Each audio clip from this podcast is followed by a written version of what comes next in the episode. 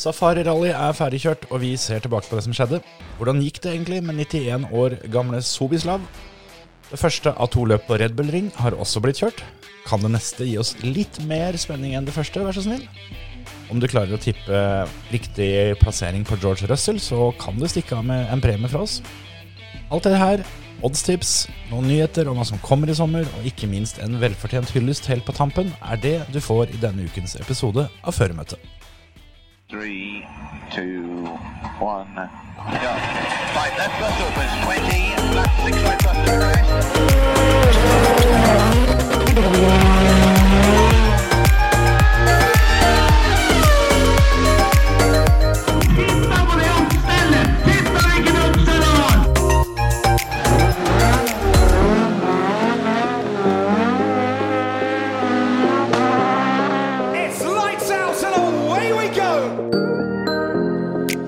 Og velkommen til nok en episode av eh, Førermøtet. Vi er her fortsatt, vi, Terje. Vi er her. Det er straks sommerferie, men det driver ikke vi med. Nei, vi skal levere en episode som er litt under norm som vanlig. Litt eh, Jeg føler at vi stadig eh, på en måte får den der lista litt nedover. Ja. Og vi skal prøve å krype under nok en gang. Ja. Det er, eh, andre sikter seg på å levere på norm, men vi sikter for litt under norm. Litt under norm. Det er viktig å bygge ned forventninger. Ja, det er det. Det er jo litt å prate om i dag. Jeg vet ikke hva, hva har du lyst til å begynne med? Nei, eh, hva skal han si? Eh, jeg har jo vært i Andebu, som jeg nevnte i forrige episode, at jeg skulle i helga, så jeg har ikke fått følt med så mye. Fikk Vært- følt med mye der, da. Ja, vært på en eh, såkalt uh, IRL-event. ja, den IRL-serien det Ja. begynner å komme av seg. Ja, han gjør det. Så var og så på, um, på gokartløp, og var mekaniker for uh, Emil, Mm. som uh, kjørte sitt andre løp i år uh, etter, etter comebacket. Så det var, uh, det var moro, det. Åssen gikk det denne gangen? Hæla han å kjøre fulle pass? Ja, absolutt, og, og vel så det. Han måtte av gårde på fredagen, så det var trening, og det passa litt dårlig, for ene motoren hans var til overhaling, og den ble levert på banen på fredagen. Ja, Så han skulle vært kjørt inn, den, kanskje? Ja, så når Emil dro, så møtte han da han motorbyggeren på veien inn på banen, og Emil kjørte ut. Ei, ei. Så da fikk vi um, huka tak i eh, Tobias Wærlo, en bergenser, Ja. som uh, aldri har kjørt uh, girkart før. Som jeg sa til det, du må bare sette deg oppi, og så må du bare kjøre denne motoren her. ja. Mens Emil da var av gårde, og Det var ikke aktuelt å ta jobben sjøl, eller? Jeg kom ikke ned i setet. Aha, ja. Jeg kjenner til det. Ja. så da blei det sånn, og da hadde vi på en måte, for Emil måtte da kjøre inn siste rest på lørdags morgen. Mm. Så vi hadde på en måte ikke testa farta sånn skikkelig mot alle de andre. Og tikjøringa kom, og Emil da med sine 19 kilo overvekt eh, dælja til og var raskest av samtlige på tikjøringa. Det var såpass, ja. Ja da. Han eh, Det Det må ha var vært en bra eh, motor. Ja, det var nok det. Vi kødda litt med at det var innkjøringa som eh, gjorde ja, ja, ja. susen der. Ja, ja, ja. Det ble blomst til Bergen. Ja, det gjør det. Nei, altså Det var vel 28 deltakere her i klassen. Det har ikke vært så mange på flere tiår. Og da var det ekstra kult at eh, vi var én og to med CRG. kult. Og Sivert Møyland, som også kjører CRG, han vant til slutt. Mm. Han og Emil var overlegen hele dagen. Eh, Emil ble nummer tre i finalen, så Mm. vi fikk begge på ballen. Det er rått, rett og slett. Det var, eh, det var utklassing, rett og slett, hele dagen. Så var det jo store stjerner med og kjørte. Ja, Andreas Bakkerud var og kjørte. Det var Åssen gikk det med han? Han ble nummer 13. Ja. Det passa jo ganske greit i Ja. grunn, for hans del. Ja, han har startet med 13. Ja, Han har hatt det bestandig omtrent. Ja. I hvert fall i mange år. Ja. Og vi kan jo vi, vi kan jo røpe såpass at på fredagskvelden eller natta så var Andreas Bakkerud her. Han uh, satt i den stolen uh, rett bortpå der. Ja. Han var her i studio. Ja, Så um, det kommer en episode med Andreas Bakkerud. Det gjør det. For uh, sjøl om vi sitter her og lover at vi skal komme med ferske episoder hver uke, så er jo det litt ljug. Ja. Vi, vi kommer til å ta ei uke fri, men vi veit bare ikke helt når. Nei, det er akkurat det. Eh, Ingen av oss har vel egentlig noen sånn voldsomme planer for ferien, så derfor så tenkte vi at det er mye løp og mye som skjer. Så vi lager nye episoder så lenge vi gidder. Men plutselig så dukker det opp ei uke hvor vi skulle hatt gjort noe annet, og da har vi en liten Bakkerud godt å passe på lur, da. Ja, vi har det. Så- Der, eh, der blei det Vi fikk prata mye rart. Ja, Så det, en kan jo si det sånn at uh, Andreas uh, kjørte da trening i Andebu hele den fredagen. Han fortalte vel det at han hadde, hadde våkna om morgenen eh, på Geilo, sånn litt før fem om morgenen. Ja. Og vi dro Jeg tok med Andreas fra studio her sånn tilbake igjen til banen klokka ett på natta. Ja. Natt til lørdag. Yes. Så uh, han Var litt sliten. Ja, og litt overtrøtt. Og, men han uh, leverte etter litt over norm. Ja, det er faktisk en episode som eh, kanskje til og med flytter norm. Så vi, Ja, får, vi får ikke noen problemer med å gå under seinere. Så nei, det, det blir en fin episode som eh, kommer der. eh, der inneholder det det ene og det andre. Der er det litt eh, anekdoter om ting som har skjedd, og litt synspunkter på folk han har, eh, han har møtt underveis. Og, Ja, Ja, litt Fortell litt hva han mener om et brødrepar fra Sverige. Og, det, er, det er litt av hvert. Ja, så det, det er det. blir Og- en fin episode. og ikke minst uh, fortelle om hva som skjer i år. Ja, ja, ja. Det er, eh, det er mye rart. Så eh, den dukker opp eh, en torsdag en eller annen gang i framtida. Kanskje, Ja. kanskje blir neste uke, vi får se. Kan hende. Det, det spørs hva som byr seg av eh, underholdningstilbud på feriefronten. For eh, jeg skal vel ut i ferie allerede neste uke, så som sagt, planene er eh, veldig få. Ja. Det er bare å um, spenne seg fast. Det er det. Så det var det, var det du drev med i helga. Hva drev du med i helga? Eh, nei, jeg var jo ikke der oppe, da. Jeg hadde vel egentlig tenkt å dra opp og kikke på løp. Jeg trodde det var todagersløp. Heldigvis så var jeg smart nok til å sjekke det opp denne gangen, da, så ikke jeg dura opp på søndagen og kom til tom, eh, tom bane. Ja. Men eh, på lørdagen så kunne jeg ikke komme og kikke, for da var vi i eh, bursdagen til vår nevø. Ja. Så noen måtte jo ta den jobben, siden ikke du kunne. ja, ikke sant? Og egentlig ingen andre kunne heller, så den der bursdagen blei i hovedsak flytta til søndagen. Men vi, vi dura nå opp der og var der på lørdag. Det var veldig trivelig. Ja. Så da fikk jeg Ja, da fikk jeg bare oppdatert meg litt sånn smått eh, med noe Stjerte mobilsjekkinger her når jeg var på tur, eh, tur på do og litt sånt. Og fikk sett eh, så vidt litt grann, eh, tidkjøring i, i Formel 1 og sånt der. Men jeg fulgte med mye ellers eh, fra VRC og Formel 1 og alt sammen hele helga, og eh, hadde nok å finne på. Ja, det, jeg fikk i grunnen ikke sett en dritt. Jeg så Formel 1-løpet så jeg på søndagen. Mm. Eh, VRC så jeg Shakedown og SS1.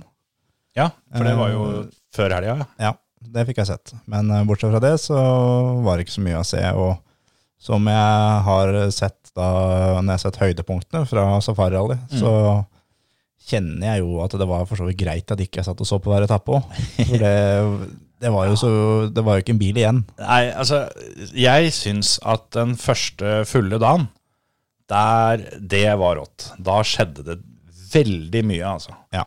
Det var gøy. Eh, dag to så var det i grunnen forholdsvis kjedelig. Eh, helt til det begynte, begynte å regne på den siste prøva. Da var det litt action. Ja. Og dag tre så var det jo egentlig transport for å komme seg til Power Stage. Det var jo omtrent ikke en eneste bil som ikke var på superrally. Nei, det var, eh, det var jo ekstreme forhold. Og det er jo litt sånn som både vi, men også alle førerne har jo etterlyst alt det her sånn. At de, de vil ha en utfordring. De vil ikke ha Altså, både de og alle vi som følger med, det er ikke noe fett å se eh, en etappe på 15-20 km hvor du kommer inn, så er det fem før det er innafor fire timer. Det er ikke Nei. så fett, det. Nei, det Selv det, det er kult med en close fight, for all del. Ja. Men eh, det må være et utfordring her, og det fikk de jo der nede, da. Ja, det fikk de absolutt. Det var jo forhold de ikke hadde vært borti før. Og sjøl om det var en eh, ja, hva skal jeg si, en veldig puslete utgave av Safari Rally, om du sammenligner med hva som var før eh, Det var jo noen av disse her ordentlig gamle gutta som, eh, som ble intervjua, som fortalte det at før så hadde, hadde, hadde de jo gjennomkjøring av rekk i, i ukevis, kanskje til og med en måned eller to. Ja. Eh, Så, så den biten var jo noe annerledes nå, da. Så det var på mange måter ganske likt et helt vanlig løp, bare at det var grove forhold og eh, helt annerledes eh, type sand og underlag og sånt. Ja. Eh, og så var det jo opptil flere ganger hvor, eh, hvor det var litt andre dyr som uh, forvilla seg ut der. Ja. Det var noen sebraer og noen sjiraffer som var eh, litt interessert. Ja, og spesielt Thierry Neville, var det vel, som eh, peisa bortover ei eh, slette i et par hundre kilometer i timen. Og så ser du først det at det er tre, tre sjiraffer på høyre side av veien. Men de er på vei bort fra veien, da. Så det liksom, tenker at det går fint. Hold flat. Men så ser du den fjerde sjiraffen. Han, eh, han henger litt etter. Han er på venstre side av veien. Veldig nærme. så jeg veit ikke hva han tenkte. Han holdt vel flatt forbi, tror jeg. Men det kan jo hende han hadde klart å kjøre mellom beina på han hvis det, hvis det hadde gått. Men Jeg tror det hadde lugga litt, ja, altså. ja, jeg tror det, altså. Det, det er vel ikke noe særlig, det greiene der. Så det gikk bra. Altså, Men det var vel et par andre som var nødt til å, å faktisk bremse ordentlig for noen sebraer, og ikke minst møte han av biler. Ja. Det, det var et par steder hvor eh, det var ikke helt den samme sikkerheten eh, rundt løypa, da. Så det var en eller annen bonde som fikk forvilla seg ut. Ja, ja, ja, men det jeg, Plogen skal i bakken, og Ja, ja, ja. såmaskin eh, Det var regntid. Det er, det er ting som skal gjøres. Ja. Jeg ser for meg han bonden og krangler og diskuterer litt, at hvis dere tror det, at, at ikke det skal sås her nå for at dere skal kjøre fort med bil, så er det bare å drite i det. Ja. Dette her er jordene i minnet. Yes. Så det gikk heldigvis bra sånn sett, da. Men uh, det, var, uh, det var noen episoder, og det var på en måte interessant å se på av det. da, At eh, du hadde litt sånn spenning med at du visste ikke hva som dukka opp rundt neste sving og Ja. alt det der. Men ja. Jeg, jeg, jeg tenkte i hvert fall underveis da, at eh, store deler av det løpet må være veldig vrient for kartleserne. For det var veldig mye etappe som gikk ute på helt åpne, flate jorder. Mm. Med eh, en vei som ikke hadde rekke å blitt ordentlig vei ennå, for bonden hadde ikke kjørt her nok. Så det var litt sånn utydelig vei og en del slakke, svake svinger og sånn. som jeg tenkte det at uh, jeg hadde i hvert fall kommet ut av notene, det skal du ikke lure på litt engang. Men uh, jeg, om jeg oppfatta det riktig, så var det faktisk et par av de topp, eh, toppkartleserne som faktisk kom ut. Ja. Jeg, jeg mener kartleseren til Daniel Sordo, han tror jeg mista det skikkelig. Ja. Så, for han uh, filma dem inne i bilen, og han satt eh, og febrilsk bladde i den blokka si. Det kan være at han dreiv og um, fiksa noen endringer, men eh, jeg tror faktisk at han rett og slett mista det litt. Ja. Og nå så var det jo regler på det òg, at det var ikke lov til å si, kjøre korteste veien. Du skulle kjøre på, på veien, du skulle ikke kutte jorder og grassletter og alt sammen. Og eh, Formå fikk jo tidsstraff for det. Ja, han tok en sånn skikkelig sånn eh, dirt rally cheat code. Ja, ja. Der, og, og det er jo om sin, altså forrige safari-rally i 2002, så var jo det det var jo vanlig Ja, å gjøre sånn. Og Ja, Om du kjørte til høyre eller venstre for et tre, det var opp til deg, det. så lenge du gikk ut og traff et tre, så var det samme faen. Ja, det, Så han hadde en, en sånn en hvor, hvor veien eh, gikk i en sånn eh, ja, slags sjikanevariant eh, til høyre for et tre. Og han bare holdt flatt rett fram, tok treet på venstre side og rett inn på banen igjen. Eh, I den tru at det var lov. da. Han, ja. han gjorde jo ikke dette her for å jukse, men han hadde, han hadde tolka dette her dit hen at det var lov. Ja. Det var ikke, så han fikk straff. Han fikk jo da ti sekunder tillegg, og som da gjorde at eh, han blei flytta ned til femteplass. Mm. Eh, Gus Greensmith ble nummer fire, ett tiendedel foran Formå. Ja, det var nok Og- sånn at hadde, hadde det vært eh, behov for 15 sekunders straff, så hadde han nok fått det òg. Jeg tipper han fikk akkurat så mye at han mista en plassering. Ja, kanskje. Det, men den straffa var jo mange etapper før. Altså han, Ja. han, han fikk straffa veldig seint. Jeg mente han fikk straffa etter målgang. ja. Nei da, han, han fikk den ganske seint. Han fikk den uh, enten dagen etter eller seint på dagen. Den samme dagen. Så når de hadde gått gjennom alle innbordsfilmer og sånn. Ja, ja, ja, for det Altså, jeg, jeg tror straffa uh, og på en måte straffeutmålinga da, skjedde etter, etter det var ferdig. Mm, ja, og det kan hende det var etter at løpet var ferdig og hele Ja. dritten òg. Så Så jeg, jeg tror hun bare så det at ok, du, du vant med 9,9, da får du 10 sekunder. Ja. Og hadde han, eh, vunnet med 14,9, så hadde han fått 15. Ja. Tippa jeg, da. At det var, for det, det var den eneste fighten han, han var i, og han vant eh, Eller han fikk en fordel i den fighten, så da ble han dømt bak, da, rett og slett. Ja. Hvis ikke det er sånn at det er en standardgreie, at det kutter og sånn, så får du ti sekunder straff. Det kan godt hende. Det kan godt hende. Vi har jo sett på en del andre løp hvor de har de her, em, de her kutte, kuttesensorene sine, disse røde pinnene som, eh, som står rundt omkring. Kan hende at det er, er fast, at det er ti, ti sekunder. Men det var jo det var da fem biler som ikke brukte superrally. Ja. Det var da Auxier som eh, vant løpet. Han hadde sine utfordringer, han òg, men han slapp superrally. Ja. Eh, Katsuta ble nummer to, sin første pallplass. Mm. Og er bare 21,8 sekunder bak Auxier. Det er eh, et uh, fantastisk bra løp av Katsuta, og det blir spennende å se om han tar med seg sjøltilliten fra det her nå videre. Mm. Nå skal han til Estland nå neste gang, som det går uhorvelig fort. Mm. Eh, Så det blir spennende å se hvordan han gjør det. Og Tanak hadde jo all verdens problemer og ble nummer tre. Ja. Uh, Minutt og ni sekunder bak. Greensmith fire og Formå nummer fem. Og Kalle Rovenpera, som var da beste av de som brukte superrally, han ble nummer seks. Ja, han var vel den som brukte superrally sist, så Ja. han fikk, fikk minst tillegg. Ja. Onkar Rai ble nummer sju. Ja. Kalle hadde uflaks for så vidt for det superrallyopplegget hans. Eh, Det var på ikke noe tidspunkt noe gærent med bilen. Han satsa fast, han. Midt i veien. Yep. Det var så mye det var så mye eller fesh-fesh, som, som de kalte det. Ja. Det, det var så mye at det, ja, det var helt teit. Jeg, altså når du så, jeg så på inboardsen hans, så var jeg sikker på at det her eh, må da ryke i noe drivaksler, eller det er et hjul som står på tvers, eller et eller annet. For det, du så han ploga skikkelig, da, og det Ja. Så han satte seg rett og slett fast, for det, det var så løst. Ja, det er sjukt. Det, det er ikke ofte det skjer. Nei. At du må bryte et løp at du har kjørt deg fast. Og du er på veien. Det er akkurat det.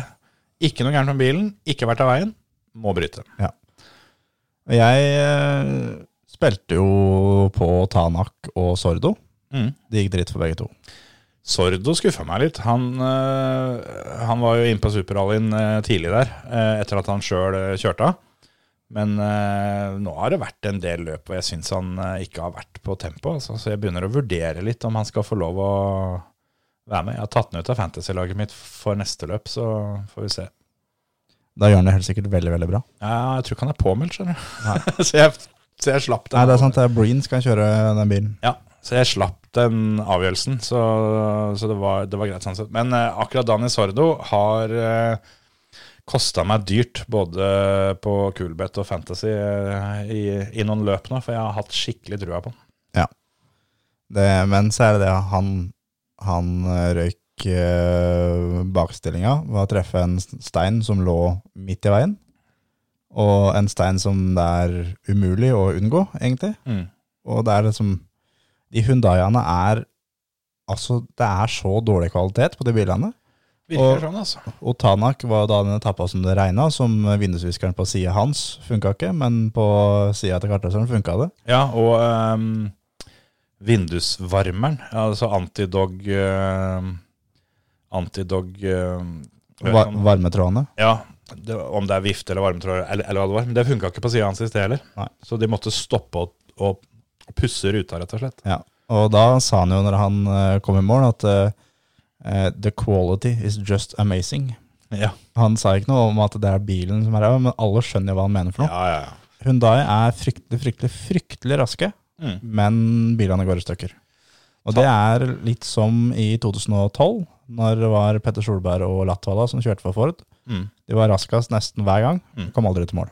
Ja, Det er litt samme greia. Og Hundai eh, hadde jo, eh, hadde jo seieren denne gangen òg, på, på flere tidspunkt. Tanak eh, hadde den jo til og med inne, sjøl om han kjørte litt midt i veien hele helga, for nå, nå skulle han til mål. Ja.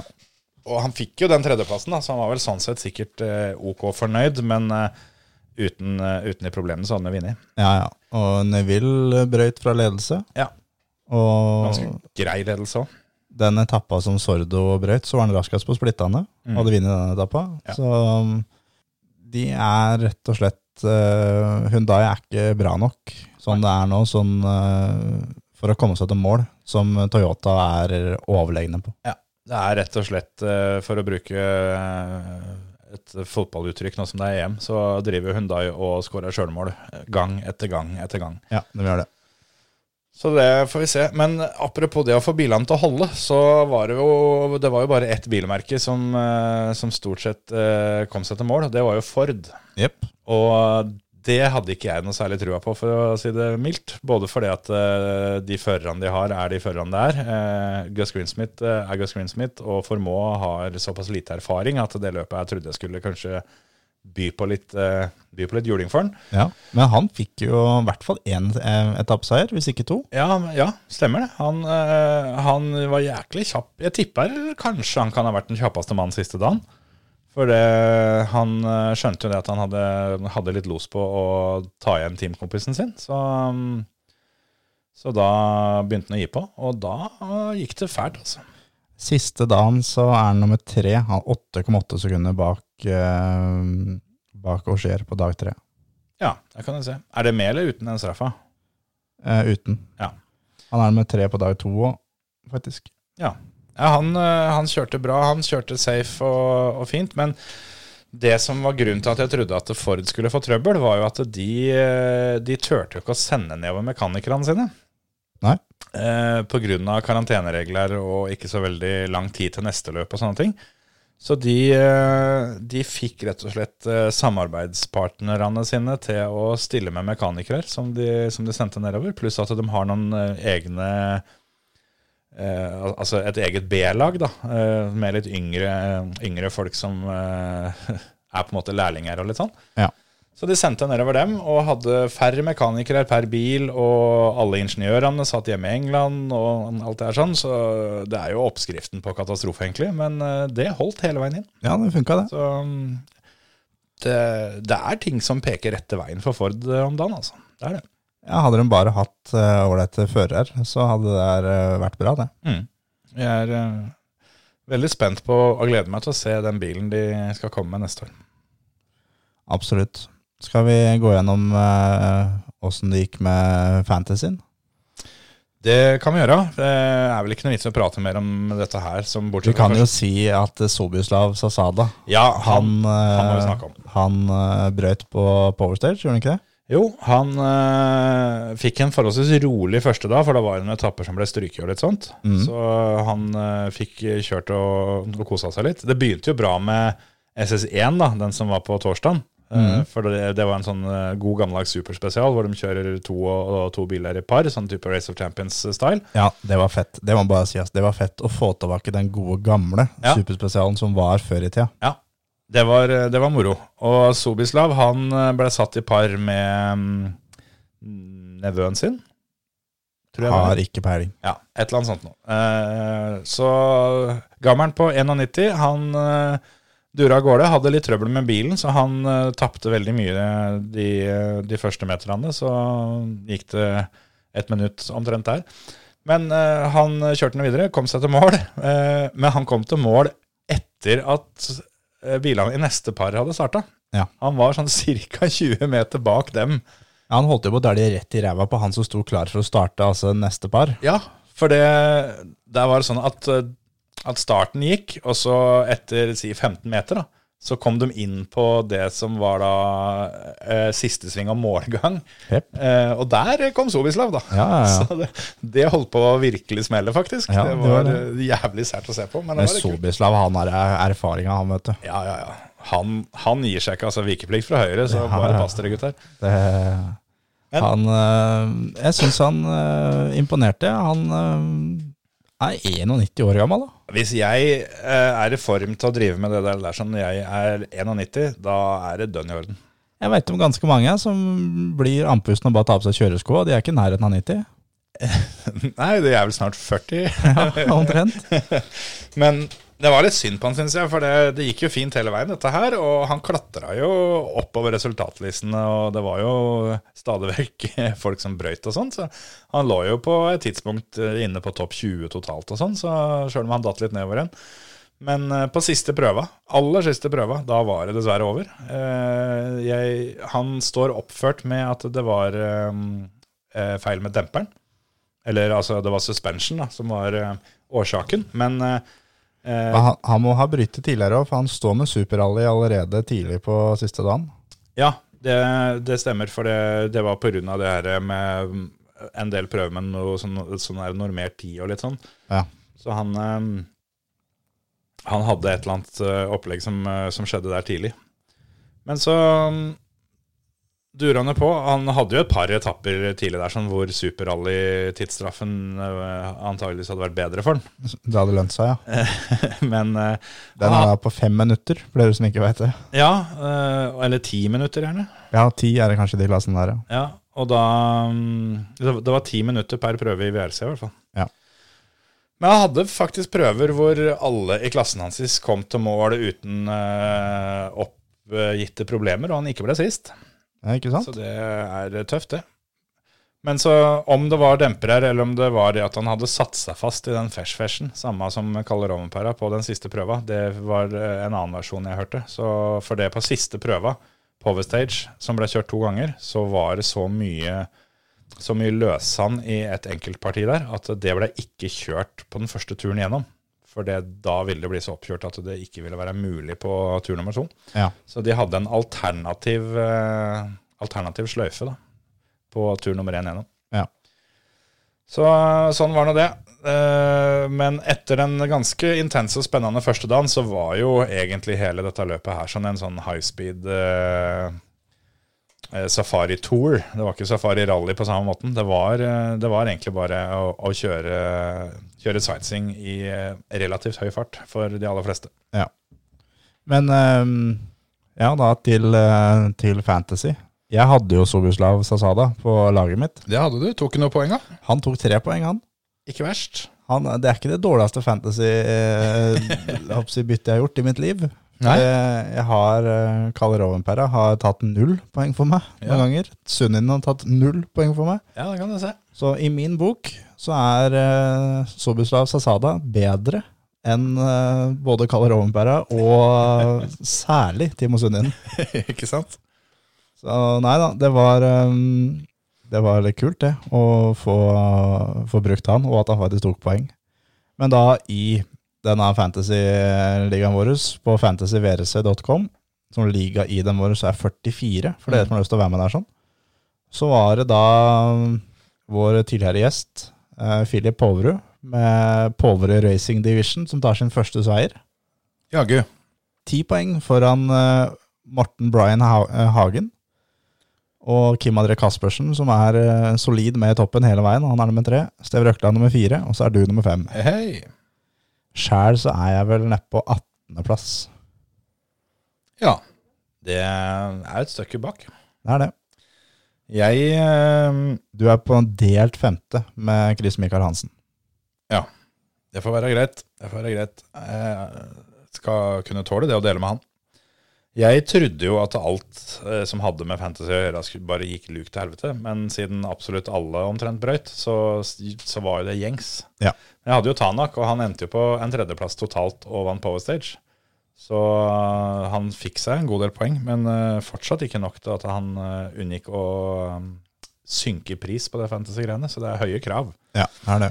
Vi hadde jo Oliver, da. Det, det må vi jo ta med. Vi hadde jo veldig trua på Oliver, men uh, han hadde sin skjerv utur. Jepp. Det var vel på SS2. Ja. Den første ordentlige etappa. Ja, da kjørte han fælt, og så når han kom Jeg til gjorde ikke det heller. Han kjørte. Ja, det var ikke så gærent det, da. Ja, ok. Hang, hang ikke med, i hvert fall. Nei, var, var, var det så ille, da? Jeg mente at det Han var, han var et stykke bak eh, når det smalt. Ja, han kom i mål som nummer ni, ja, ser jeg. Han var eh, Ja, hadde bare to andre WC-biler bak seg. Ja, ja, ja, ok. Nei, men eh, han fullførte nå den etappa, da. Men når han kom til mål, så var det et blått lys som eh, blinka uh, oppå um, dashen hans, som er en sånn sensor som eh, indikerer at det har vært et eh, sammenstøt. Og det hørte jeg etter det jeg fikk med meg fra sendinga, så var det da målt 19 G i den smellen, hvor Oliver sjøl sa vel at han hadde fått eh, kjørt litt hardt ned i eh, et høl eller ei dump. Mm. Og så fikk de, fikk de vel jobba litt med dette her, sånn, og hadde litt flaks at SS3 ble stryket, sånn at han bare fikk gjennomkjøring der og sånt. Men det endte nå i hvert fall med at det var skade på buret. Ja. Og da er det game over, da. Det er det. Se på første splitten på SS2, så er han åtte sekunder bak allerede der. Ja. Da var det ikke så verst derfra inn, da. Nei, nei. Nei da, men uh, ja. eh, det var i hvert fall tydelig å se på intervjuene sånn at dette prega Oliver ganske mye. Jeg tror han hadde gleda seg fælt og var nok ikke så happy med å skuffe både seg sjøl, men eh, teamet òg, som hadde hadde stelt i stand at han skulle få kjørt dette her. Så Og så var det kjedelig da at det var en, en sånn type skade som gjorde at han ikke fikk lov til å fortsette. ja, for hadde han kunnet kjøre superrally, så tror jeg vel det hadde vært greit nok. Da, det er jo surt selvfølgelig uansett, men eh, han var jo der for å, for å kjøre mye. Ja. Så han ble tilskuer, og ja, får vel, eh, får, får vel sikkert prøve igjen neste år, da, hvis det blir noe løp der nede da. Neste år så kjører nok han full sesong i ØRC-bil. Det ville overraske meg veldig hvis eh, ikke det er tilfellet, ja. Ja. Han eh, er påmeldt i R5 i det neste løpet, så vi får nå vi får se han der òg, i Estland. Ja. Om uh, to uker? Tre uker? Tre uker er det. Ja. I uke 28. Det blir Ja, det er ikke nesten en uke etter. Ja, ikke sant? Det er fint, det. 14 dager til cirka nå. Ja. Moro. Da er det vel ikke så mye mer å si om VRC, er det? Nei. Skal vi strekke på beina og snakke om Formel 1, da? Det kan vi gjøre. Du hører på Førermøtet, Norges beste motorsportpodkast. Formel 1, ja. De eh, klarte endelig eh, omsider å få laga et forholdsvis kjedelig løp. Det var på tide. Ja, det var jo på en måte det. Alle trodde det skulle komme forrige helg, men da ble det spennende da. Og når det var spennende på Paul Ricard, så hadde jeg i hvert fall trodd at eh, det skulle bli spennende på Red Bull Ring. Ja. Det var, eh, det var litt spenning i de første to, tre, fire rundene Mm. med Landon Norris, som hadde en helt fantastisk start. Ja, samme med Ricardo òg. Første runden hans i så var jævlig bra. Så Lando var jo da, fikk fighta seg forbi både Bottas og Perez. Og var oppe på Han starta i tre, og datt ned til fem, men jobba seg opp til tredjeplass igjen. Og Mm. var da Da tenkte jeg at dæven, nå Nå er vi der, Lando. Nå er vi faen meg der vi skal være. Ja. Nå skal gutta få kjørt seg, liksom. En fet duell den han hadde med Peres der, altså. Ja. Men så var det det at um, oppsi, eh, McLaren er ikke like rask som Mercedes Red Bull enda. Nei. Nei. da var det bedre å få de to gutta forbi igjen og kjøre sitt eget løp og konsentrere seg om å bli nummer fem. Mm. Eller bedre hvis det skjedde noe med de foran. Så da datt Lan- Lando ned til en eh, femteplass igjen og, og Ja. holdt seg der sånn. Jeg ble litt Og- overraska over det, for det var, eh, det var ikke så mye motstand når, eh, når han slapp forbi de gutta der. Nei, men det var jo planlagt. Ja, At de, de skulle forbi. Ja. Så bedre det enn å kjøre det du har av dekk og måtte pitte ti runder tidligere. Og Ja, ja. ryke strategien på det. For det, det var nok planlagt når de starta tre, med en Mercedes eh, og en Red Bull bak seg, at eh, de to gutta kommer, men resten skal vi klare å holde unna for. Og det funka bra, det. Det var, eh, det var gjerne kult, syns jeg.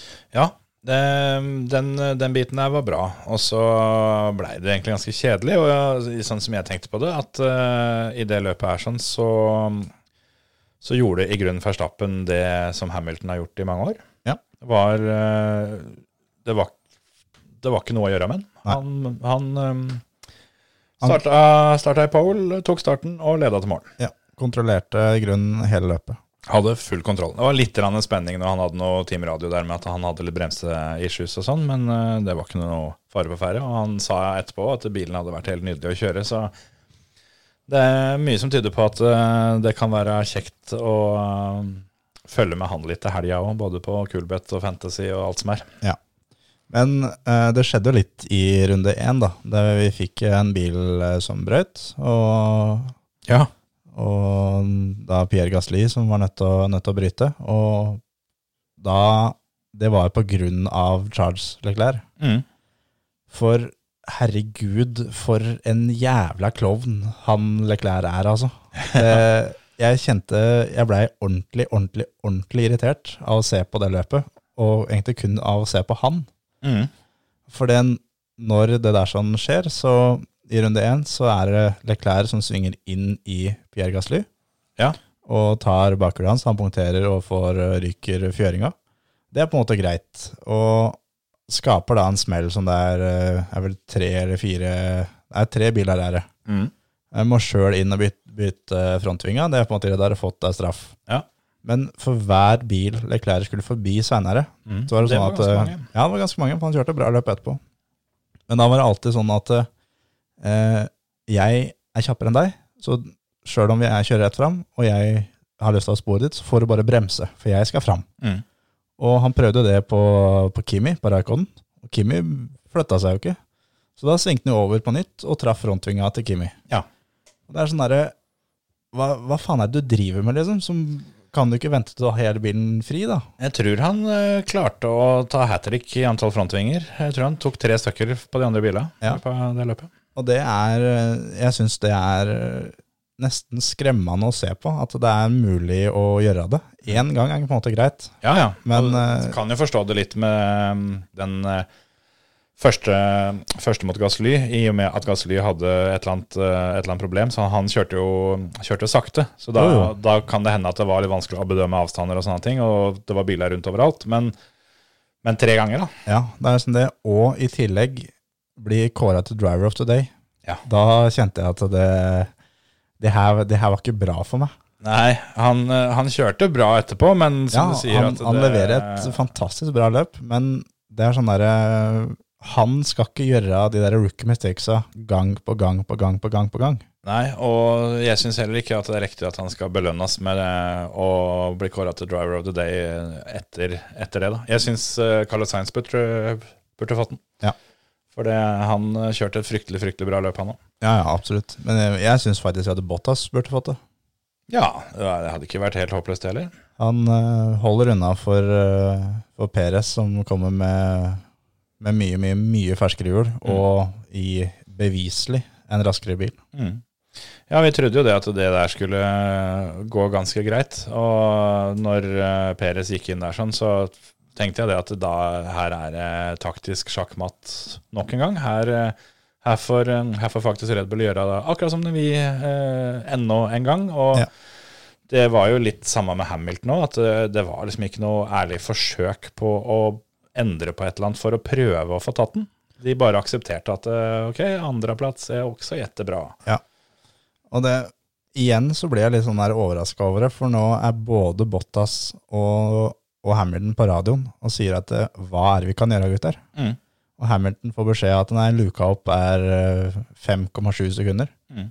Så ja, ok, jeg klarer ikke å kjøre inn de sekundene der. Er det vi, er det noe annet vi kan gjøre? Ja. Da hinter han veldig tydelig til at kan vi prøve to stopp? Ja. Luka bak til Bottas er mer enn stor nok. Ja. Og jeg skjønner ikke at kan vi ikke heller bare prøve det? Og så bare, hvis ikke det funker, greit, men de blir nummer to uansett. Det har de i hvert fall prøvd. Ja, da har de faktisk prøvd å, å, å få det til. Det er litt samme som fotball, at det ligger un, under 1-0. Få sendt gutta i angrep, da. Ja, ja. Få prøvd å få skåra og få en uavgjort, i hvert fall. ja. Det verste som skjer, er at du taper kampen, og det hadde du det hadde gjort uansett. Ja, det er akkurat det. Og sånn er Mercedes nå. At uh, to løp på rad, at de rett og slett bare de gir det vekk. De ja. har lagt seg ned og begynt å grine lenge før målflagget. Ja, det er litt sånn. Og øh, jeg syns faktisk òg det var veldig merkelig, for det, det endte jo med at Hamilton gikk inn for å bytte dekk helt på tampen der, for å ta kjappeste runden. Mm. Men timinga på det òg var jo veldig spesiell, for det Kom ut midt i trafikken, liksom. Ja, han kom ut bak Bottas, og så var det jo viktig at Bottas eh, fikk sluppet den forbi veldig fort, for han hadde jo ikke så lang tid på seg til å sette den, den der besterunden. Mm. Som igjen da gjør at, eh, at Bottas tapte jo en del på det. Mm. Og han var jo Altså der var vi fullstendig klar over at Peres kommer antageligvis til å ta igjen Bottas. Mm. Eh, så det kan fort hende at pallplassene ryker. Ja. Så da tar de sjansen på at pallplassen til Bottas eh, kanskje kan ryke for at eh, Hamilton skal få det ene ekstra poenget. Det, eh, det syns jeg var et strategisk eh, litt merkelig valg, da. Men er du sikker på at han kom ut bak Bottas? At ikke det var bak Stroll? eh, kan, For jeg tror at han hadde mer enn luke nok til å komme ut foran Bottas. skjønner du? Han kom ut i trafikk, men jeg tror det var uh, altså De er ganske like, de bilene, så det kan være at jeg rett og slett blingsa på det. Ja, det jeg, men jeg tror det var Stroll, skjønner du, for det var uh, Komme ut i gruppa Gruppa som var på en måte bak eh, Eller mellom Bottas og Hamilton. Det var jo gruppa med, med Kimmy og Stroll og, hele, og Sainz og den gjengen der. det kan eh, stemme, ja. For det, jeg bare så at den bilen eh, var nødt til å slippe den forbi. Mm. Eh, men det var da selvfølgelig pga. blåflagg, hvis det var strål. Ja. Nei, det tenkte jeg ikke så mye på, for da satt jeg egentlig og fokuserte på noe helt annet. Vi skal komme tilbake i odds-spalten etterpå. Så der kan hende jeg tok feil, altså. Det har skjedd før, det. Kommer til å skje igjen. Ja, for jeg tror det var det at for ganske tidlig så hadde, så hadde Hamilton luka nedover. Mm. For det var veldig tydelig at, eh, at eh, Bottas, eh, eller Mercedes hadde lært noe da, fra Red Bull forrige helg. At da forrige gang så slapp Perez seg tilbake igjen for å spare hjul, Mm. og prøve å kjøre lenge. Mm. Eh, akkurat samme gjorde Bottas nå, selv om Bottas var jo der og var med og fulgte egentlig tempoet til Hamilton og, og Max, Ja. men slapp seg tilbake for å spare hjul. Mm. Eh, så er det da det, dere som leser eh, resultatlista, ser at han er 45 sekunder bak, og Bottas er ræva og alt sånt, så Ja, er, er han egentlig ikke det. Det er en eh, Nei, det, er jo, det der er jo åpenbart taktikk og ja, jo, strategi. Jobben hans der som det var på en måte at det ble Hamilton mot, uh, mot Max, og så ble det Bottas mot Perez. Mm. Og sånn sett så gjør Bottas uh, jobben sin 100 Han, han starter fem og blir nummer tre. Absolutt. Han eh, skulle starta to, Ja. men uh, fikk tre, tre posisjoner gridstraff fordi han rett og slett klarte å snurre i pit lane. Ja. Og det, Jeg syns det var kult, det. Herregud, så fett det var. Ja, det var uh, Jeg liker når det er noe sånt, noe nytt som skjer, når det liksom er noe, noe greier. Fikk du med deg radiomeldinga hans i stad? Det var liksom når han da snurra, altså Hva syns dere om dekkvarminga mi? Not ideal, Ja, var vel svaret han fikk. for det også er da, for dere som har sett det og lurer på hva i all verden er det Bottas driver med der sånn, Ja. så er det veldig enkelt at han eh, under treningene så legger de igjen gummi ut fra pitboksen sin, Mm. for at under løpet så skal de kunne klemme til ut fra pitstop. Mm. De skal ha gummi og feste, rett og slett. Mm. Det er det han gjør, men når han da kommer ut av pitboksen, så er det mala eh, reklame og strek. Mm. Treffer det, så spinner det mer enn det var planlagt. Og så var det vel òg at han eh, drev og trena på å kjøre ut av pitboksen i annet gir. Ja. Så det var litt uvant, eh, sånn sett. Ja.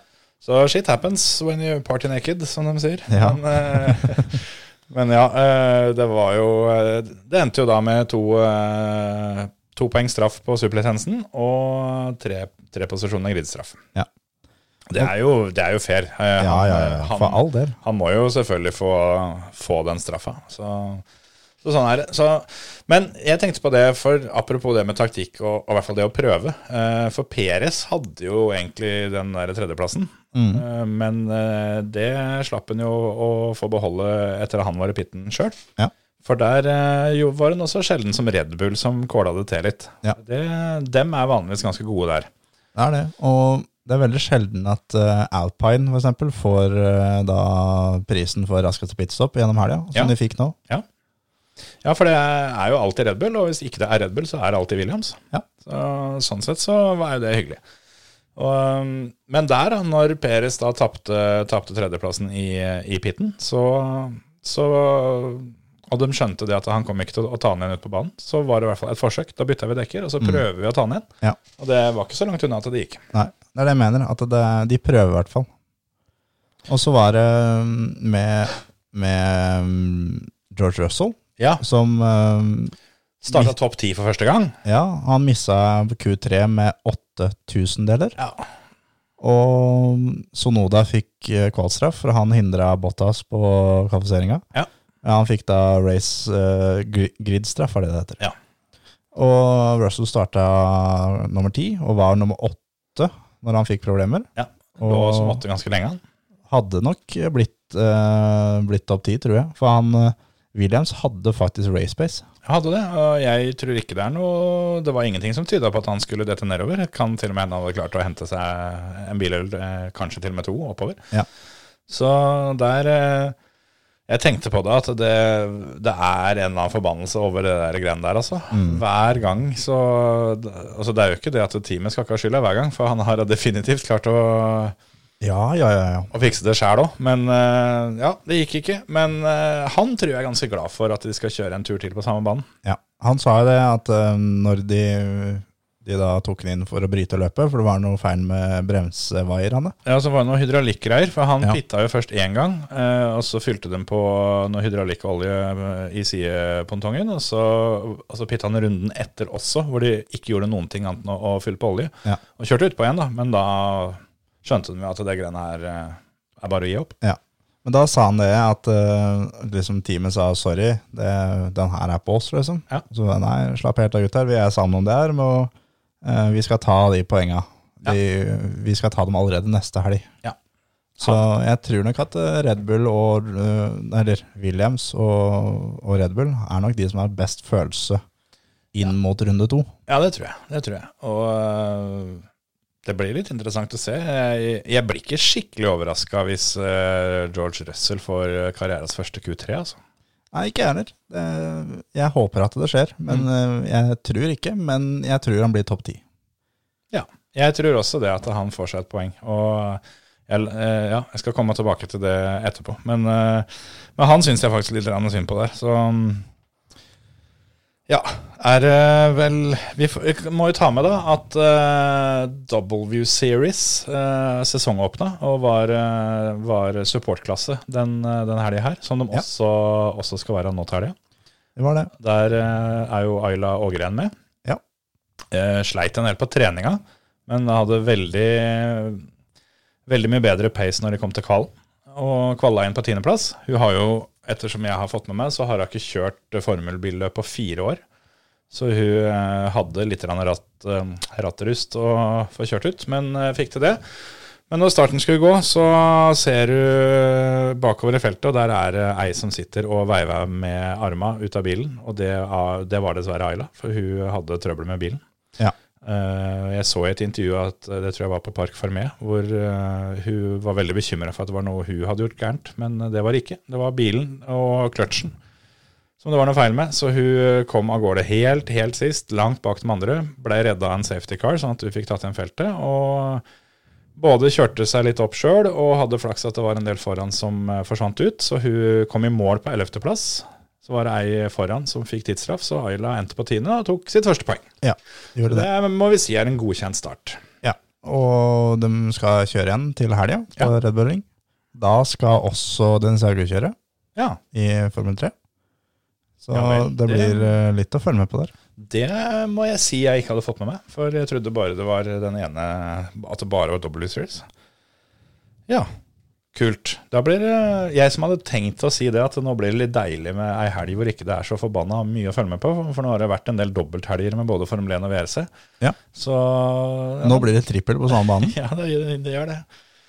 Ja, ja. Nei, men det er ikke noe som er bedre enn det. Dennis leder jo sammendraget i Formel 3, så han øh, håper vi å se i fronten av feltet nok en gang. Ja, vi får satse på det. Skal vi ta resultatlista fra helga, eller? Så vi liksom har gjort det? Ja, det kan jo det. Nå er vi jo snart i gang med neste løp, da, så folk har vel fått med seg dette, tror du ikke det? Vi har jo Ja, fortalt men- hvem som vant. Du, du kan heller ta sammenlagtstillinga. Det er jo mer, mer interessant, for nå er vi vel kommet en tredel ut i sesongen. Ja, det er eh, Verstappen som har 156 poeng. Eh, Hamilton har 138. Perez har 96. Landon Norris på fjerde har 86. Bottas på femte, Leclerc på sjette, Sainz på sjuende, Gasly åttende, Ricciardo niende og Sebastian Vettel er nummer ti totalt. Ja. Og for team så er Red Bull som har 252 poeng, Mercedes har 212, McLaren på tredje har 120, Ferrari på fjerde har 108, Alfa Tauri på femte, Aston Martin på sjette, Alpine på sjuende, Alfa Romeo på åttende, så er Williams og Haas på niende og tiende uten poeng. Ja, det er bare de fire førerne deres som ikke har poeng, for begge um, Alfa Romeo-gutta har fått seg et poeng hver. Ja. Så vi får se om George Russell uh, kryper ut av den der uh, kvartetten i bånn der Ja. til helga. Så ta en liten quiz. Ja. Hvilken fører har flest uh, straffepoeng på lisensen sin? Og jeg hadde tenkt å bare svare Hamilton, for det var jo svaret tidligere. Men det er feil, ikke sant? Det er feil, ja. Det er eh, Sunoda. Lando Norris med åtte. Jeg tenkte på Norris, han fikk, så, han fikk jo jævlig mange her nylig. Alexander Albon er nummer to med sju. Det er tøft. Så er det Hamilton og Russell på seks poeng, eh, straffepoeng. Uh, Fettel har fem, Raikon har fire, Uh, samme har Perez og Stroll. Leclerc, Givnazzi, Latifi har tre, Uh, Sonoda, Maspin, Bottas har to, og Con, Ricardo, Sainz og Gasly har ett. Fettel fikk alle fem uh, samme helga, han, før løpet omtrent var i gang. Uh, første løpet i sesongen. Ja. Så en annen ting jeg vil ta med, som jeg syns var veldig morsomt uh, fra den helga her, for det har jo vært veldig mye snakk om Nikita Masepin, Ja. som da har blitt omdøpt til Masespin. For, ja, av åpen, åpenbare grunner. Ja, snurra nå. Snurra nå. Uh, Güntheren er jo en, uh, en skikkelig legende, det er det jo ingen tvil om. Så han uh, han, eh, han fant ut åssen eh, de kunne ordne dette her sånn. Ja, Så før løpet så inviterte han, eh, inviterte han Mazepin inn, eh, inn på kontoret og ga han en, eh, en gave. Det var rett og slett en eh, snurrebass. Eller Ja. It's a Mazespin, som han sa. ja, Så nå kan du Nå kan du snurre med denne istedenfor å snurre med bilen min. ja ikke sant? Sånn syns jeg er moro. Ja. Det er eh, kult at dere har humor på det. Det artige var at han klarte jo ikke å få fart på den snurrebassen. Nei, han fikk ikke til det der. Så den klarte han ikke å snurre. Nei. Skal sånn vi gå videre til odds? Vi går til oddsen. Odds, odds, Odds. Odds. penger i fôret. Odds, odds, odds, odds. Ja da! Odds! Kjør odds. Odds! Da var det odds. Da var det odds. Har du noen spill du har sett ut? Skal vi uh, ta det som kommer, eller skal vi, skal vi snakke litt om eh, noe av det vi har fått inn? eller? Det er kanskje fort gjort for din del. Vi trenger ikke å snakke om noe av det vi har fått inn, for min del. altså. Det, for, for min del så er det ett spill. Det er at Verstappen vant. Ja, ja, ja. Og der stoppa det. Og jeg har ikke tenkt å høre på i fem minutter om alle de spillene du fikk inn, så vi kan ta det som kommer. Ja, jeg kan nøye meg med å si at det, det er å anbefale å følge med på livespilla. Ja. Så bortsett fra det, så hadde jeg en, en, en særs hyggelig, hyggelig helg på Kulbeth. Trivelig, da. Det, Trivelig for deg, da. det var vel en av de bedre. Så ja, så ja da, det, det var fint. Så fint. Eh, så jeg får ikke lov å fortelle noe om det, altså. Du gjør ikke det? Nei, nei, nei. Jeg kan fortelle én ting, da. Nei, du kan ikke det. Nei, nei, nei, ok. For det har med den eh, ene fartsprøva Formå vant å gjøre, som vi var inne på i stad. For da hadde nemlig jeg spilt begge de to som drev og bytta på å vinne etapper til å vinne. Ja. Så da, da brøyt jo begge to, selvfølgelig. Flott. Men, eh, men ja. Eh, Nei, nå til helga. Det, det er jo ikke noe hemmelighet at Max Verstappen eh, Jeg vil tippe han Han er jo større favoritt til å vinne enn noen andre har vært den sesongen her. Ja, han står, når vi spiller inn nå, står han til 1,70 i odds.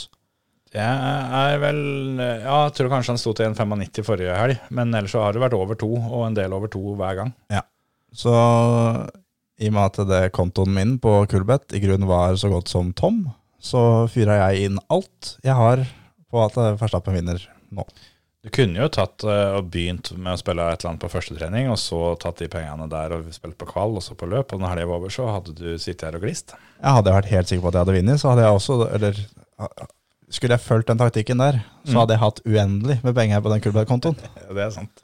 Så nå gikk jeg for en uh, Kunne jo tatt kvalen, da. Ja, men det er mindre sannsynlighet for at han vinner kvalen enn at han vinner løpet. Ikke ifølge Kulbeth. Nei, men uh, det, er, uh, det er det. Ok, ok. De har nemlig 1,60 på Verstappen til å vinne kvalen. Ja. 2,25 til å vinne første trening. Ja, uh, så det, det er jo på en måte det sikre spillet. Det er jo en copy-paste fra forrige helg med én ganske viktig endring. Det er nemlig at de får mjukere dekk. De hopper et hakk eh, ned på, på dekka. Så det mm. som den denne helga som var nå, var mediumdekket, det blir det harde. Ja. Denne helga. Som er en enda større fordel for Red Bull. Ja, det vil jeg også si der. Det øker vel eh, sannsynligheten for at vi får tostopp-løp. Som Men- også er større fordel for Red Bull, Ja, det, faktisk. det er òg. Men eh, de mener jo det, at det er fortsatt ikke, ikke noe bankers det at det skjer. Det som er tingen der, er jo egentlig å følge med på eh, den spådommen til, eh, til Perelli. For den eh, kommer jo alltid ut. Det gjelder for øvrig både VRC og Formel 1. At det, det Perelli sin ekspert mener er den optimale strategien, det blir ikke gjort. Nei, aldri. Det er, det er gjennomgangstema. Spesielt VRC. Så har vi en sånn Pirelli-fyr som kommer fram og stiller til intervju og forteller at dette her må det må de gjøre. Det, er, det er ikke nærheten av å være litt riktig engang. Nei. Safari-rally blant annet, så var det det at de måtte ha harde dekk. De Ja. var helt nødt til det. Ja. Så da den superspesialen de kjørte på torsdagen, har genialt sted å få brukt opp da de softhjula sine. Ja. Det var vel eh, ni av ti VRC-førere stilte med harde hjul. Yes. Så, sånn, sånn er det stort sett. Så um, vi får nå se hva de anbefaler, og så kan vi da konkludere med at det antageligvis blir motsatt. Ja. Men eh, det, det trygge spillet, spill Verstappen til å vinne. Eh, Overhodet ingen grunn til at han ikke skal vinne, men eh, selvfølgelig, alt kan skje. Eh, det er jo det er lenge siden det har vært eh, trøbbel med bilen. Ja, så er det. Så dukker opp eh, innimellom. Ja. Peres har jo hatt sine runder. Ja. Men jeg tror jo at hvis en er ute etter eh, litt saftigere odds, da, når en ser på vinneroddsen spesielt, så, så er det jo Peres til 10 og Bottas til 12. da. Eh, Hadde, hadde jeg hatt mer penger igjen på den Klubbøy-kontoen, så hadde jeg fyra inn eh, en liten luring på Perez. mm, Altså, Red Bull er så bra Mm. om dagen, og særlig når det går fort eh, rett fram, som det gjør på Red Bull Ring. Ja. Og da er, sitter Perez Han sitter i en vinnerbil, mm, og kan nok hende ha brukt denne uka her nå på å gå gjennom data fra, fra Max, hva han har gjort. Eh, kanskje kopiere oppsett. Eh, bruker tid i simulator for å lære seg å kjøre ordentlig i det oppsettet Max har brukt. mm. Eh, og så videre. Så PRS til 10 odds er ikke dumt spill, altså. Det er det absolutt ikke. Og apropos det med å ha den kjappeste bilen rett fram, så så jeg et videoklipp hvor eh, de var inne i Botta sin bil, og så hadde de putta mm, bilen til Verstappen som sånn, eh, som sånn Ghost. ghost car. Mm. Uh, og da ut av siste svingen så kjører de dønn likt ei lita stund. Sånn Mm. at det var, ikke, det var ikke utgangshastigheten det var noe feil med. Og så ser du den der Red Bullen bare siger av gårde. Ja. Men det er uh, på grunn av bakvinga. Red Bull har en mye tynnere og smalere bakvinge, som gjør at de, Mm. de får mindre motstand da, over slettene. Ja. Så er det uh, Bottas til åtte på kvalen. Han ble med to egentlig sist, Ja. eh, men Verstappen var overlegen. Så det er bare en, eh, en liten slenger, eventuelt, eh, Ja. så nå går han i hiven der. Jeg tenkte på det, for det, Bottas står til åtte, og Hamilton står til tre og en halv. Bottas slo han jo på kvalen nå i helga som var. Ja. Så Hvis han skal spille på en Mercedes på kvalen, så hadde jeg spilt på Bottas. ja, for det, der burde de ikke Altså, det er ikke dermed sagt at Bottas eh, slår Hamilton, men eh, han har allerede gjort det, og kan veldig fint gjøre det igjen. Så den, den odds-forskjellen der, den, eh, den gjør at det er ingen tvil om at jeg òg hadde valgt Bottas. Ja. Ellers så tenker jeg litt sånn som vi har vært inne på tidligere, at de, de som er nykommere i teamet, de burde dra fordel av at de får to løp på samme banen. Mm.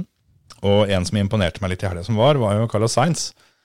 Eh, Jeg syns Ferrariene var eh, overraskende dårlige på kvall. Ja. Men de hadde over, enda mer overraskende bra race pace og kjørte seg fint opp. Så eh, at Sainz kanskje er enda litt bedre denne helga her, det kan godt hende. Så 2,25 på han til å komme topp seks syns jeg ikke ser så ueffent ut. Nei, samme med, med Ricardo, som ja. var på vei opp, men fikk motorproblemer, som gjør at han havna baki. Og da havner du i køen med dirty air hele veien, uansett hva du gjør, og da er det vanskelig å komme seg opp. Så han også til topp seks på 2,25 er en veldig fin en. Ja, det syns jeg absolutt. Og ikke minst så må han begynne å føle litt presset, for det det må leveres litt mer snart, Ja, tror jeg. det. Og det, det tror jeg han er klar over sjøl. Og han har jo vist det før, at han eh, Han eh, kommer gjerne fram når det virkelig gjelder. Ja. Darren er Ricardo. Ja. Og så er det to spill eh, til topp ti som, eh, som jeg egentlig ville anbefalt litt. Det er både Sonoda til to i odds, men også da George Russell, som vi snakka om i stad, til Ja. 3,50 i odds. Enig. Jeg tenkte på nøyaktig de to, de to samme gutta. Og så er også Winner da konstruktør, Red Bull til 1,55. Også en, en safe en å spille, mener jeg. Mm. Så er det et spill til som ikke er ute på det tidspunktet vi spiller inn, men det pleier å komme et spill om eh, en av Has, Williams og Alfa Romeo-førerne vil komme topp ti. Og den eh, oddsen der pleier også å være ganske fin, for det, vi har jo allerede sagt at vi har trua på at George Russell gjør det, men da får du med de andre. Ja, det gjør det. Eh, Så da har du noen sikkerhetsventiler der. Og det, det er et spill jeg skal følge litt med på den helga her, faktisk. Ja. Så det er bare å få snirkla seg inn på Kulbeth og dunka inn odds. Så mm, skal dere se at det blir litt ekstra spennende på løpet. Absolutt. Skal vi sy sammen noen konkurranser for denne uka, eller? Skal vi kåre vinner av den forrige? Ja, Det kan vi godt gjøre. For det, der spurte vi rett og slett om uh, folk ville tippe sluttplasseringa til uh, Oliver Solberg i Safari Rally. Ja. Fikk inn veldig mye tips. Det var kult. Fikk inn uh, veldig mye tips både på privatmeldinger, men også offentlig. Ja. Så vi har jo faktisk uh, runda 50, eh, 50 meldinger med tips der. Ja. Det er, det er moro. Men eh, av 50 så er det ett riktig svar. Ja. Og så er det viktig å påpeke det at eh, vi, eh, vi er så skamløse at vi vil prøve å utnytte det å få litt grann spredning på disse Facebook-postene våre. Så det er der det skal svares. Det er akkurat det. Og svaret, eller fasiten da, Ja. på hvor Ole Solberg endte, det var da brutt. Brutt løp. Did not finish. Yes. Der er det én person yes. som svarer det. Det er eh, faktisk forrige ukes vinner av konkurransen da. Mannen, myten, legenden. Ja, Per Arne Holt, Ja. du vinner eh, to uker på rad. Så siden ikke du har kontakta oss uh, angående den forrige premien din, så kan du kontakte oss angående den premien her, så får du begge to samtidig. Yes. Og Jeg, jeg veit å høre på. sånn er det når du går gjennom livet og er pessimist eh, og, og tipper at folk bryter. Da blir det, da blir, blir det en premie i ny og ne. Ja, det gjør det. Så gratulerer til eh, Per Arne, så får vi se om du klarer hat tricket og vinner eh, tre uker på rad. Ja. Jeg tror vi skal kjøre konkurranse på litt samme premisser denne uka. Ja. Og vi tar noe som vi har vært inne på, for eh, vi skal rett og slett vite hvilken plassering får George Russell i, søndag, i søndagens løp på Red Bull Ring. Ja. Da Skal- har du alternativene. Det er 1, 2, 3 osv. helt ned til 20, eller brutt løp. Det, det er sant. Så du har Men- 21 alternativer. Nei, men han kan jo bli nummer 17 selv om han bryter. Så de får jo fortsatt plasseringa si. Ja, ok. Da har du 20 alternativer. 1 Ja. til 20. 1 til 20. Lykke til. Skal vi tippe hver, hver, for oss òg? ja, eller skal vi bare tippe pallen som vi pleier? Jeg, jeg syns vi skal tippe pallen og hvor George Russell blir. Ja, men da gir vi så mye føringer. Ja. Det de som skal, ja, men det er jo ikke feil, det. Nei, men det er greit. Da får du begynne denne gangen, da. Eh, Verstappen, Bottas, Perez og åttendeplass på George Russell. Smooth. Jeg tror det blir Verstappen, Peres, Hamilton. Og evig optimist med her, så går jeg én over og tar sjuendeplass til George Russell. Ja, jeg trodde du skulle si 11.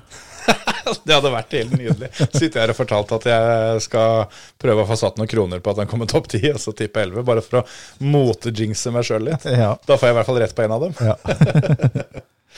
Ja. Nei, det blir litt som å sette både rødt og svart på ruletten, føler jeg. Ja. Du veit at det blir grønt. ja, det gjør det. Hver gang. Ja. Men eh, nei, den er fin, så vi lager en egen tråd på det. Og så er det bare å kommentere der. Eh, og så må dere gjerne like å dele, spesielt dele ting. Det syns vi er gøy når dere deler ting. Ja. Og eh, det, det er jo ikke lov med sånne, mm, sånne vilkår på Facebook. Vi kan ikke kreve at dere skal dele ting. Nei. Men vi kan vel si som så at hvis vi begynner å følge med litt nå, så i løpet av sommeren en gang, så kanskje vi kan det i hvert fall hende da, at vi trekker ut en ekstra god eh, oddsbonus til noen som eh, deler episoden, eller både episoden og konkurransene våre. Ja. Og premieskapet vårt, eh, det fysiske premieskapet vårt, er ikke tomt det heller. Det er jo faktisk ikke det. Så vi har, vi har litt av hvert å by på. Ja, vi har det. Skal vi si at dette var det, og gjøre som eh, forhuden, trekke oss rolig tilbake.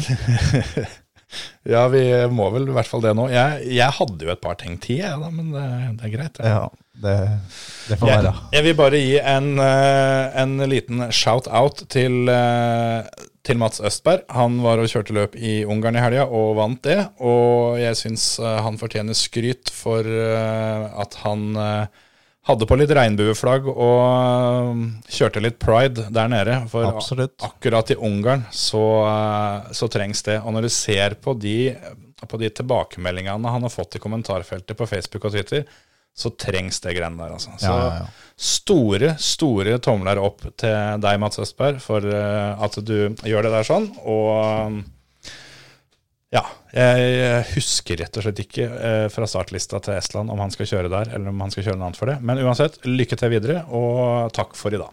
Takk for i dag.